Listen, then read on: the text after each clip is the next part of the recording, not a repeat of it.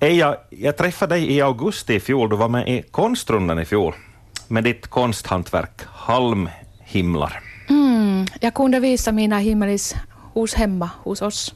Ja, det Och- var roligt också. Då kallade du dig himmelist. Första gången jag hörde det ordet, men kan man ja, säga jag så? har använt det här ordet titel för mig eh, redan i fem, sex år.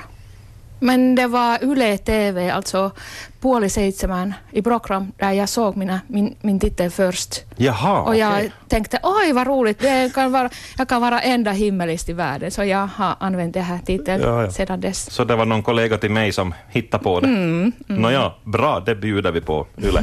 Eh, Men halmhimlar, halmmobiler, alla har ju sett en sån hängande i något tak någon gång och kanske fascinerats av geometrin i dem och och hur de rör sig med vinddrag och sådär lätt och flyktigt. Och det här fascinerar dig redan som barn? Mm. Jag såg min första himmel i, när jag var tio år gammal, så det, det är länge sedan. Och, och det har hänt så mycket efter det. Men nu, um, jag har gjort mina himlar i 25 år, hållit kurser eh, 16 år, skrivit eh, tre böcker och som sagt eh, varit som himmelist. Alltså, jag har min egen eh, firma i sju år. Och mm, no, det räcker ju ganska mycket för mig. Ja, och du har nått ut internationellt också. Här har du din, din tredje bok, den har kommit ut på japanska. Mm. På finska och på japanska samtidigt för några veckor sedan. Och du berättar att du reser flera gånger om året till, till Japan och håller kurser och ställer ut. Och, Jag har varit där två gånger nu. Alltså Ja. första gången förra året i Tokyo hade min första utställning Mm. och jag tänkte att det var en gång, det, sånt händer bara en gång i livet. Men, men det har hänt så mycket efter det. Den här sommaren var vi Hokkaido. Vi hade en sån himmelig friendship eh, där och hundratals människor överallt från, från, alltså från Japan kom dit och vi hade eh, workshoppar och konsert och eh, gemensamma tillfällen. Så det var så, så roligt. Mm. Hur är det, finns något motsvarande hantverk i Japan eller vad är det som gör att du är så pop där, eller ditt hantverk? Det har jag också funderat, hur är det möjligt? Men jag, jag tror att det hänger... Uh, de har in, ingen himmel där. De känner vår finska himmel. De, de, man översätter det inte till japanska eller till engelska. Det är himmel. Och uh, jag vet inte, himmel, jag tror det är geometriska former som lockar dem. De har origami som är lite liknande. Pappersvikning och... pappers, fast de inte säger att det är lika, liknande, men i, i våra ögon är det lite liknande. Och um, annat, de tycker allt vad kommer från Finland. Marimekko, och Tove Jansson och Himmeli, de hänger alla ihop. Och sen, eh, jag har tänkt, varför är det just Himmeli? Men de har ingen bråttom att göra. Alla finländare finska frågar hur länge tar det att, att göra en himmeli, men ingen Japan frågar det. det. Alltså tiden betyder ingenting för dem. Ja, just ja, den, den när du har en kurs. Mm, det är annorlunda där. Som kalligrafi eller pappersvikning. Alltså, det kan ta sin tid. Mm. Man håller på tills det är färdigt, helt enkelt. Just det. Mm. Också vägen, det är lika viktigt. Så att, ja. Ja, det är, det är ju det här meditativa arbetet i det. För, sådär. Men hör du, trafiken andra vägen eh, har jag förstått också är livlig. Det kommer japaner hem till dig i Veikkas. Mm, varje månad. Ja, de hittar mig i nät eller i sociala medier eller jag vet inte. Jag har en Facebookgrupp som heter uh, Himmeli Movement i Japan och vi har vänner där och de bara tänker att de- de vill göra himmeli med mig och komma till oss och, och höra om hi- himmelis rötter och sen de frågar kan vi översatta, övernatta hos dig så de har tar en dag eller två dagar hos oss. Och vi gör himmel hela, hela dagen runt, dygnet runt. Så ma- man kan kalla dig, jag vet inte, kulturambassadör och turismföretagare Nå, med det här. himmelig ambassadör i världen, det tycker jag om. Det är bra det. Mm, det är mitt, alltså, Ja. Men knackar de bara på då, eller blir du förvarnad att det kommer ett gäng i övermorgon? no, de frågar några veckor för, före att eh, de ska till Finland och kanske de tar ett, ett tåg för en dag att att besöka mig och gå, går tillbaka på samma dag eller övernattar ett par dagar. Ja. Mm. Hör du, nu börjar jag tänka lite sådär. Vi, vi, här har vi ju Visit Vasa, turismfrämjande, Vasaregionen och så vidare. Har, känner de till det här? Att hit kommer japaner. Man borde ju liksom visa dem runt och, och bjuda ut mycket mera också. Mm, säkert, det finns mycket potential. Mm. Mycket. Kunde ja, arrangera någonting annat eller arbeta tillsammans. Mm. Mm. Och det här eh, naturen. Eh, Som sagt jag var hem till dig i samband med konstrundan, så du bor ju ute i, Veikkas, du är en by. Så det, naturen är nära. Och om de har mera än, mera än en dag hos oss. Vi brukar gå till skogs och plocka svampar. Så det är jag som arrangerar så himmelikurs på annan dag och svampkurs eh, på annan dag och finska maten och sånt. Kanske sauna. Och det räcker. Alltså, ingenting speciellt, bara vad vi har här. Alltså naturligt. Lugnet och stillheten är ovanligt om det är någon från storstadsområden i Japan. Så. Ja, just det. Och vi, om vi går till eh, på fältet och såg våra rågfält, då kanske vi ser älg, älg där och det oh, det är otroligt. Det är så. Ja, ja. När du, eh, din bok då, hur har den tagits emot nu så det här i, Japan? Eh, upplagan, vad är den om man frågar något sånt konkret? Känner du till hur många de har tryckt? Vad har de för förhoppningar att, att den ska gå åt? Och jag vet egentligen inte hur många kopior de har tagit, men jag har skickat, jag, jag har skickat fem- 50 böcker till mina vänner, de, de, alltså bokade, alltså, Ja. ville ha mina böcker. Och eh, jag har fått mycket eh, alltså feedback och otroligt. Jag Mm. nästan gråter när jag läser vad Åh, de säger om, om, om mina, mina bok. Ja. Och du berättade också att du kom just från Sverige, så det är inte bara Japan som gäller, det är flera länder som, som du är aktiv inom. Ja, jag har skrivit tre böcker och den andra boken kom ut på, på, på svenska och nu har jag hållit kurser också i Sverige. Mm. Och nu kommer jag nästan direkt från Uppsala och vi hade en, eh, ett veckoslut med mycket kunskap och glädje och skratt. Och, och det, var, det var också... Jag, jag ska dit nästa år också. Mm. Ja. Och var det Schweiz, eller vad nämnde du här också? För? Ja, för en månad var vi också i Schweiz. Mm. Du är verkligen en himmelig ambassadör. och vi ska upprepa, du fick, alltså- du fick alltså kulturpris här och jag ska läsa en del av motiveringen. Eija Koski är känd för att förnya traditionen med halmmobiler och oförskräckt pröva på nya tekniker. Och då, du, du hade visst gjort av plaströr också? Himmelin. Nå, det har jag gjort också. Jag har provat olika materialer, plast och papper och metall och allt möjligt naturmaterial. Men när jag, när jag går utomlands, jag ser mina himmelis på annat sätt. Och eh, råghalmen har kommit ännu alltså hö, högre plats. Jag, Ja, du- du- jag värderingar värderar där utomlands är mycket hög och jag, jag tycker att det är det enda eller äkta materialet som, som vi har i Himmeli och det är min favorit också. Mm. Vi har ju eget. Och Ja, ni odlar plocka- Mm. materialet själva. Men hur, hur hållbart är, är råghalm? Hur gamla himmelin finns det? Bevarade?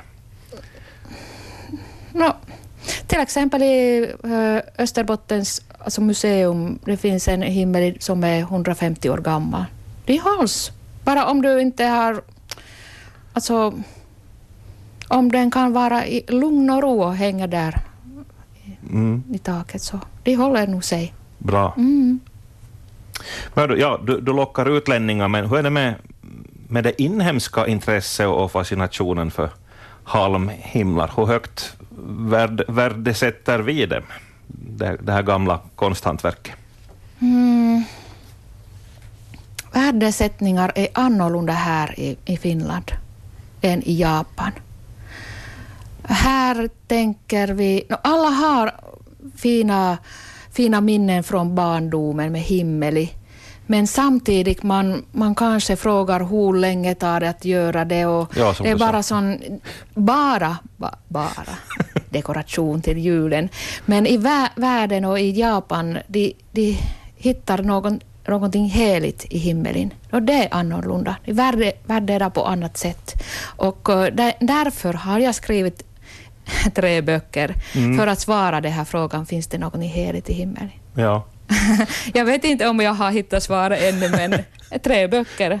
Här har vi då Ja. den tre, eh, himmelin harmonia, himmelins harmoni. Vad är det du går in på här? Du har förstås lite instruktioner hur man gör en själv, men vad, vad skriver du och funderar där? Mm. Kan du berätta? Ja, jag ville svara på den här frågan, just finns det något heligt i himmelen? Och jag har hittat svaret i tre olika aspekter. Först det material, alltså råghalm som är helig. Och eh, sen eh, de geometriska former. De, de andra Alltså människor i andra länder känner ju inte våra råghalm eller vår historia med råg. Men det är någonting som lockar himmelen och det är just geometri. Och det finns helig geometri i himmelen. Det har jag skrivit eh, i min bok. Och eh, tre, den tredje dimensionen är just att göra en himmel. Att det är mm, meditativt och, och eh, uppnår till själen. Och det är det vad jag har nu hittat. Mm, Ja. Och inte bara jag. Om du Ja. läser min tredje bok, det finns citater från, från, från Japan, de som har varit på min kurs eller gör himmel, och det är oerhört fint som de säger. Att äh, till exempel Camilla från Sverige säger att äh, himmel är en reflektion av det gudomliga. Och jag tänkte, oj.